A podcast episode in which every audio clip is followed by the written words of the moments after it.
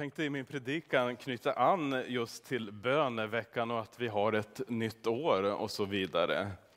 Och eh, som rubrik på dagens predikan har jag satt Verka för Jesus och vara med Jesus. Och eh, det finns en viss logik i det här och den ska jag förklara efterhand. Texten som jag har valt den ligger lite alldeles innan eh, den text som Rickard läste här eh, som inledning. Det handlar om Jesus hos Marta och Maria och det är slutet av Lukas evangeliet. Vers 38 till vers 42. Medan det var på väg kom Jesus in i en by och en kvinna som hette Marta tog emot honom i sitt hem.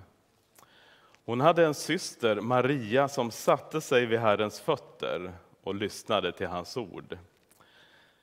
Marta däremot var upptagen med alla förberedelser och hon kom fram och sa Herre, bryr du dig inte om att min syster har lämnat mig att sköta allting själv? Säg nu till henne att hon hjälper mig. Herren svarade henne, Marta, Marta, du bekymrar och oroar dig för så mycket, men bara ett är nödvändigt.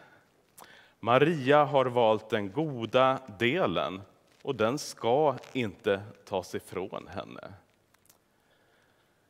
Och här ser vi en spänning mellan att verka för Jesus och vara med Jesus. Men det ena tar inte ut det andra, vilket jag ska förklara efterhand. Det verkar som att Marta är den äldre av systrarna. Hon tar ansvar och hon tycker bara att lilla syster, ja, hon gör ingenting just nu. Det som har hänt är att Jesus har kommit på besök. Och från Johannes vet vi att de här systrarna bodde i Betania. Så Jesus är här med sina lärjungar just i Betania. Och de gästar Marta och Maria. Men systrarna de intar helt olika positioner gentemot Jesus. Den ena tänker, ja, jag ska tjäna Jesus. Och den andra tänker, ja, men jag ska lyssna till Jesus. Och det blir en spänning, det blir en irritation. Och för att liksom känna till lite bakgrund så behöver vi veta att eh, på den tiden Kvinnans roll var rätt undanskymd. Hon skulle liksom egentligen bara hålla till i bakgrunden. Hon skulle laga mat och så vidare. Hon skulle inte direkt synas. Så här kommer Jesus på besök med sina lärjungar. Och det verkar som att han börjar undervisa dem och då bryter Maria mot normen. Hon går och sätter sig med de andra lärjungarna och börjar lyssna på Jesus. Och Marta hon tänker, ja men det är så mycket som behöver ordnas nu i samband med att Jesus har kommit. Och hon kanske är som många andra kvinnor, att det, det är mycket som behöver fixas. Att linneduken måste ut, vi måste ha blommor eh, på bordet, lite blomsterarrangemang, vikta servetter och så vidare. Och för henne blir det här helt övermäktigt och hon tycker att hennes syster sviker. Och då tänker hon, ja men jag får ju säga till Jesus, han verkar inte fatta han heller. Och då säger hon till Jesus, du, jag har jättemycket att göra. Kan du inte säga till min syster? Hon, hon förstår ju inte det. Och hon hade säkert räknat med att hon skulle få Jesus stöd och att han skulle förmana Maria. Men tvärtom så kommer det tillbaka mot henne. Marta, du oroar dig för så mycket, men bara ett är nödvändigt. Och ja, det får henne säkert att tänka till.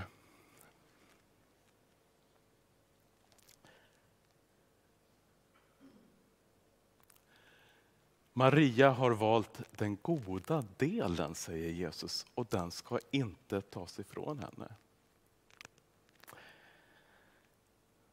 Och den goda delen för Maria, den goda delen för Marta, den goda delen för oss som är här idag, det är att börja inför Jesus och lyssna till honom.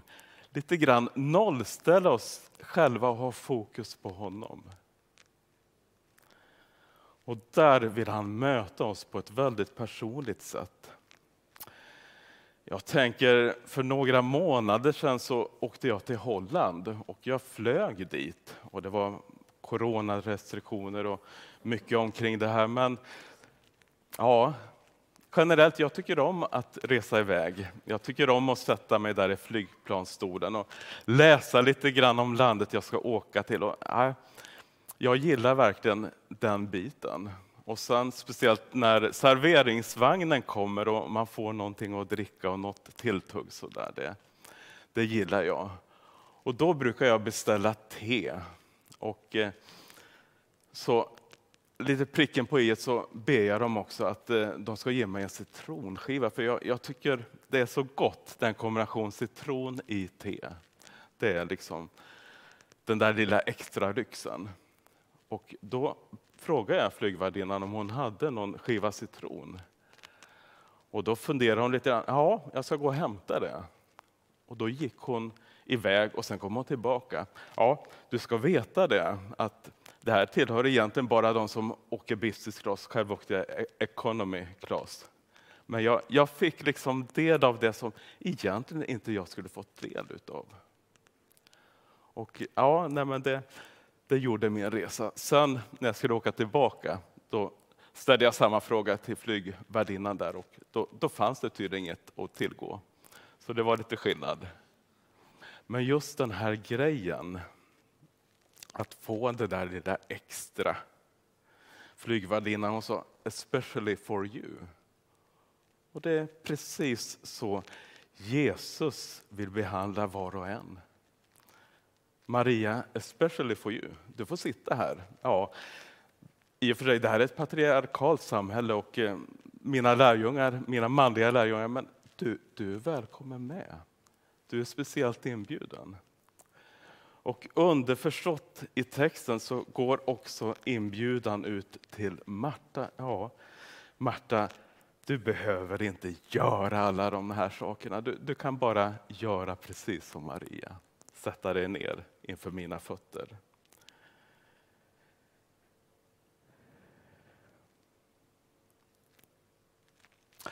Oftast har vi så mycket i vår tanke.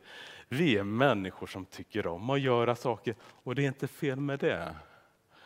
Det ska pysslas, det ska donas, det ska ställas ut. Och julen är speciellt en sån tid där vi gör det väldigt mycket i våra arbeten. Det är mycket som vi vill hinna med klart innan vi tar julledighet.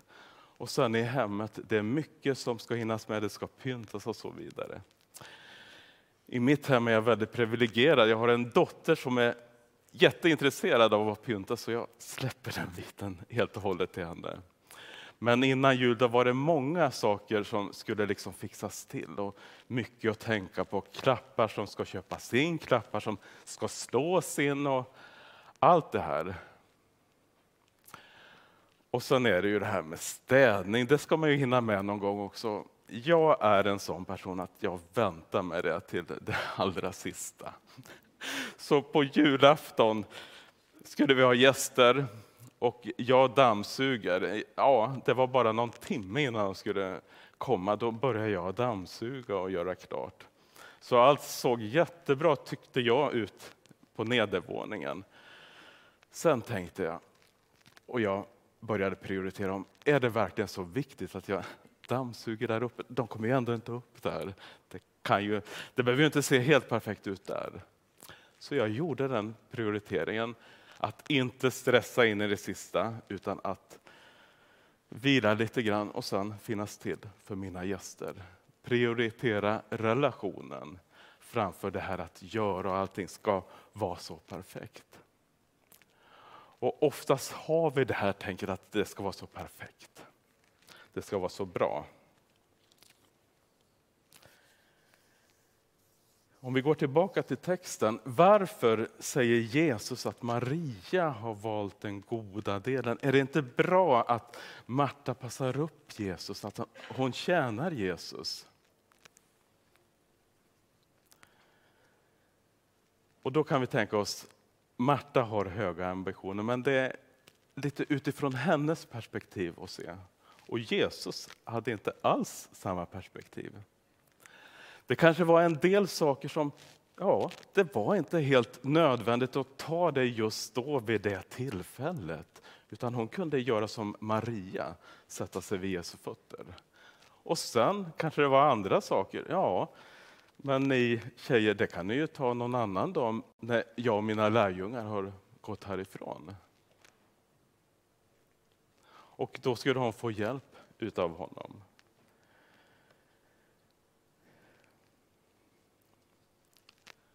Och ytterst sett, Maria och Marta, det är två ytterligheter av oss själva. Vi behöver både och. Och vi behöver ha dem i rätt ordning och rätt prioritet.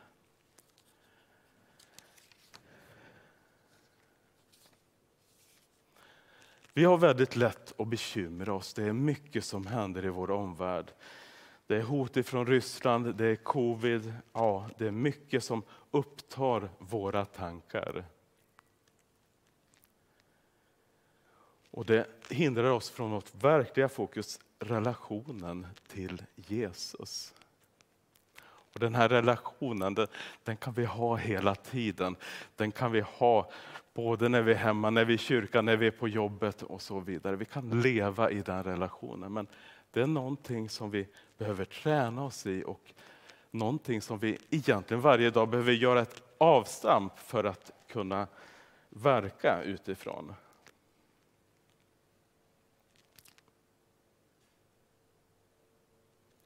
Och så ofta så behöver vi lämna över alla de här sakerna som bekymrar oss.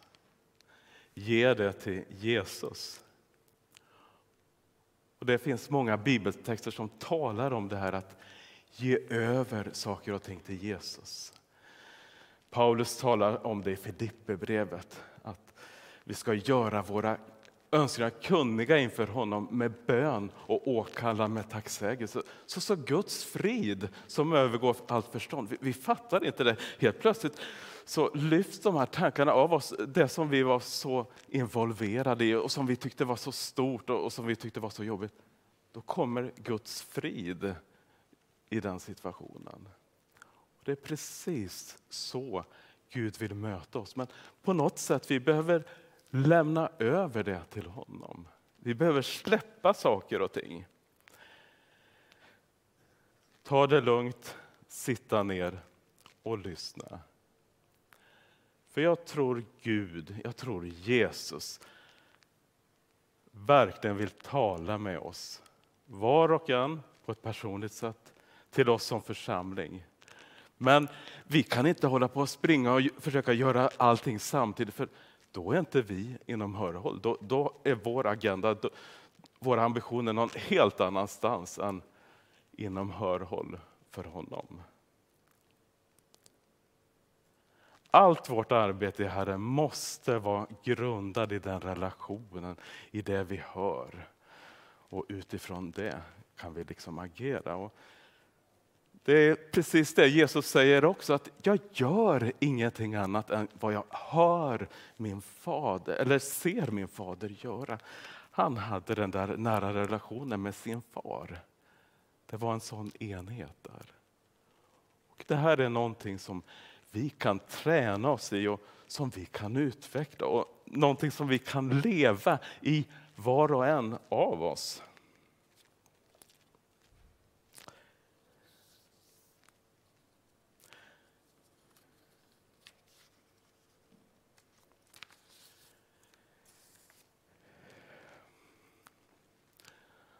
Då tänker jag lite grann, hur ska vi tillämpa det här? Hur ska vi leva i det här? Och jag tänkte börja med oss som församling. Och sen gå vidare för oss som enskilda kristna. Och precis som Marta så har vi väldigt lätt att bli upptagna med våra verksamheter. Vi har oerhört mycket verksamheter och det rullar på. Vi gör det och vi gör det. Och, så. och jag tänker, vår församling är en förening och det finns många föreningar och det finns likheter mellan våra föreningar också att vi bedriver ungdomsarbete, vi bedriver välgörenhetsverksamhet, vi bedriver verksamhet för äldre personer. Och det är ju riktigt bra saker. Men är det någonting som i grund och botten skiljer ut oss från de andra? Kan vi fråga.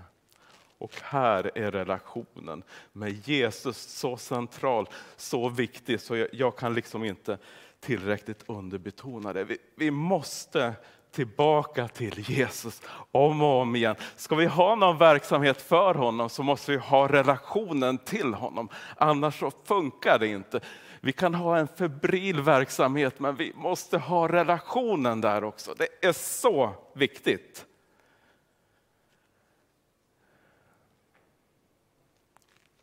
Precis som för Maria och Marta så måste relationen vara förankrad i Jesus. Den här relationen måste vi som församling gång på gång komma tillbaka till. Annars blir det till sist så att ja, vi är ett alternativ bland många andra föreningar.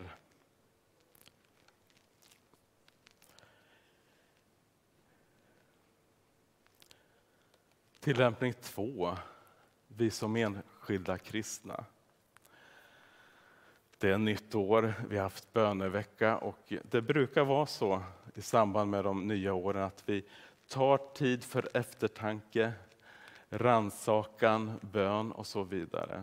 Och så har det varit i vår församling. Vi har haft en bönevecka och det är oerhört viktigt och centralt det här med bönen. Men hela tiden så blir det en brottningskamp mellan vår agenda och Guds agenda. Och för att liksom kunna ta in Guds agenda så måste vi bli inställda på den frekvensen så att vi hör hans röst. Det är mycket som händer i vår vardag och det är mycket som sätter igång nu i samband med att det är nytt år. Vi har ett livspussel som ibland känns omöjligt att försöka pussla ihop och så alla bitar och så. Speciellt om man är småbarnsförälder eller tonårsförälder. Det, det är mycket som händer. Och så är våra liv. Men för att det ska funka, för att bitarna ska liksom falla på plats, så behöver vi ha egentligen det här dagliga avstampet med Jesus. Och jag tycker och tänker att det är en bra idé att ha det just på morgonen innan allting börjar. I Ordspråksboken 16.3 så står det anförtro dina verk åt Herren så har dina planer framgång. Återigen ett bibelvers som pekar på att vi lämnar över det som så mycket bekymrar oss och tar vårt fokus till honom. Och där, på något märkligt sätt, så läggs det här pusslet ihop och det blir en helhet. Hans helhet och vår helhet. Och jag tänker den här lilla stunden, och jag säger inte hur lång den är för det är så individuellt och men det är så viktigt samtidigt. Så behöver vi börja med att ge oss själva till honom och sen bara tömma oss på allting som försöker ta vår uppmärksamhet. Lägga över våra bekymmer, våra problem och lägga det i hans hand. Och Gud är väldigt personlig. Han vill möta dig under den här lilla stunden, de här minuterna, kanske till och med för någon är det en timme. Jag, jag vet inte, det, det, är så individuellt. Utan det som är viktigt det är att på något sätt få till den där lilla stunden. Och sen får man mer smak. Men Gud vill stämma möte i din vardag. Och i början av 90-talet så gick jag på en bibelskola i England. Det var en anglikansk präst som hette Colin Urquhart. Han har varit en hel del här i Sverige en del i Bohuslän vad jag förstått. Och, så, och eh, arbetade mycket med andlig förnyelse och han kommer hela tiden tillbaka till det här med den lilla stunden med Jesus, hur viktig, hur central den är för oss enskilda kristna. Och han brukade alltid brygga en kopp kaffe innan han satte sig ner i sin soffa och var inför Gud. Och han hade fokus både på att lyssna till Gud och sen lägga fram det som låg på hans hjärta. Så en tvåvägskommunikation. Och sen tycker jag det är så skönt, han var ute en hel del och reste, ibland blev han rätt trött. Och då kunde han till och med somna i Guds närvaro och när han vaknade han kände sig så förnyad. Så spänn av, försök liksom att hitta din infallsvinkel. Vad är det som du som gör att du närmar dig Gud? Du kanske börjar med en lovsång, du kanske börjar med en bön, du kanske börjar med att, att lyssna, kanske läser en bibelvers eller så. Men någonting som får dig att sätta igång. Och jag tror just det här att inte sätta för höga mål. Jag tänker parallellt med att det har blivit nytt år. Det kanske är vissa av er som har fått ett träningskort i julklapp. Det kanske har legat på er önskelista och ni tänker ja men nu ska jag sätta igång och så. Det kanske kom av sig under året som har varit men nu ska det bli en nystart. Nu ska jag börja träna på gym eller jag ska ha någon gruppträning här och så vidare. Och det kräver en prioritering, det kräver en viss disciplin. Och på samma sätt är det med våra böneliv. På något sätt så behöver vi bestämma oss, prioritera det här. Det gör sig inte självt, men det ger så mycket tillbaka. Och när vi väl har kommit igång lite grann så Nästa dag, ja men då fortsätter vi med det. Och nästa dag så fortsätter vi med det. Och sen kanske det till och med blir så, du blir förvånad. Nej, men istället för fem minuter så blir det tio minuter eller femton minuter. Och jag tänker det är ganska liknande egentligen om jag ska börja träna, om jag ska börja springa. Då sticker jag inte ut och springer en mil, för då blir det bara någon enstaka gång. Utan jag börjar med någonting som jag känner mig bekväm med och eh, som min kropp klarar av. Jag springer en kilometer kanske och sen gör jag det kanske om två dagar igen och sen försöker jag få en viss regelbundenhet i det. Och successivt så kan jag öka det, men det är utifrån att det känns bra för mig. Och Sen är det så märkligt, när man väl har kommit igång, då har man svårt att sluta. Precis så fungerar vår kropp och så fungerar vår ande. När vi väl har liksom börjat den här disciplinen att ta den här minuten varje dag så ger det ändrade perspektiv. Det är någonting som bär vår dag. Min relation med Jesus, din relation med Jesus.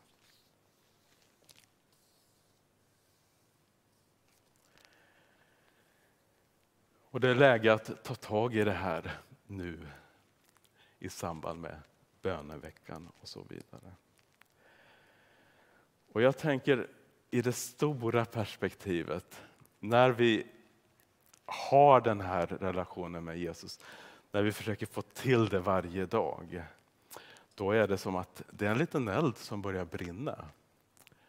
Och när vi samlas som här, här till gudstjänst eller när vi samlas till bönen på onsdag eller våra smågrupper så tar jag med mig lilla eld och sen tar någon annan med sig sin eld och sen tar ytterligare någon med sig sin eld. Och tillsammans, de här lågorna, det blir en stor eld. Och på det sättet så blir inte fokuset i första hand på våra samlingar eller vår verksamhet, utan då blir den här lågan, det ger ära till Jesus och Jesus blir synlig i det här. Att det blir en samverkan. Att vi tillsammans påverkar som en kropp. Kroppsperspektivet blir så tydligt och tillsammans så lyser vi för honom.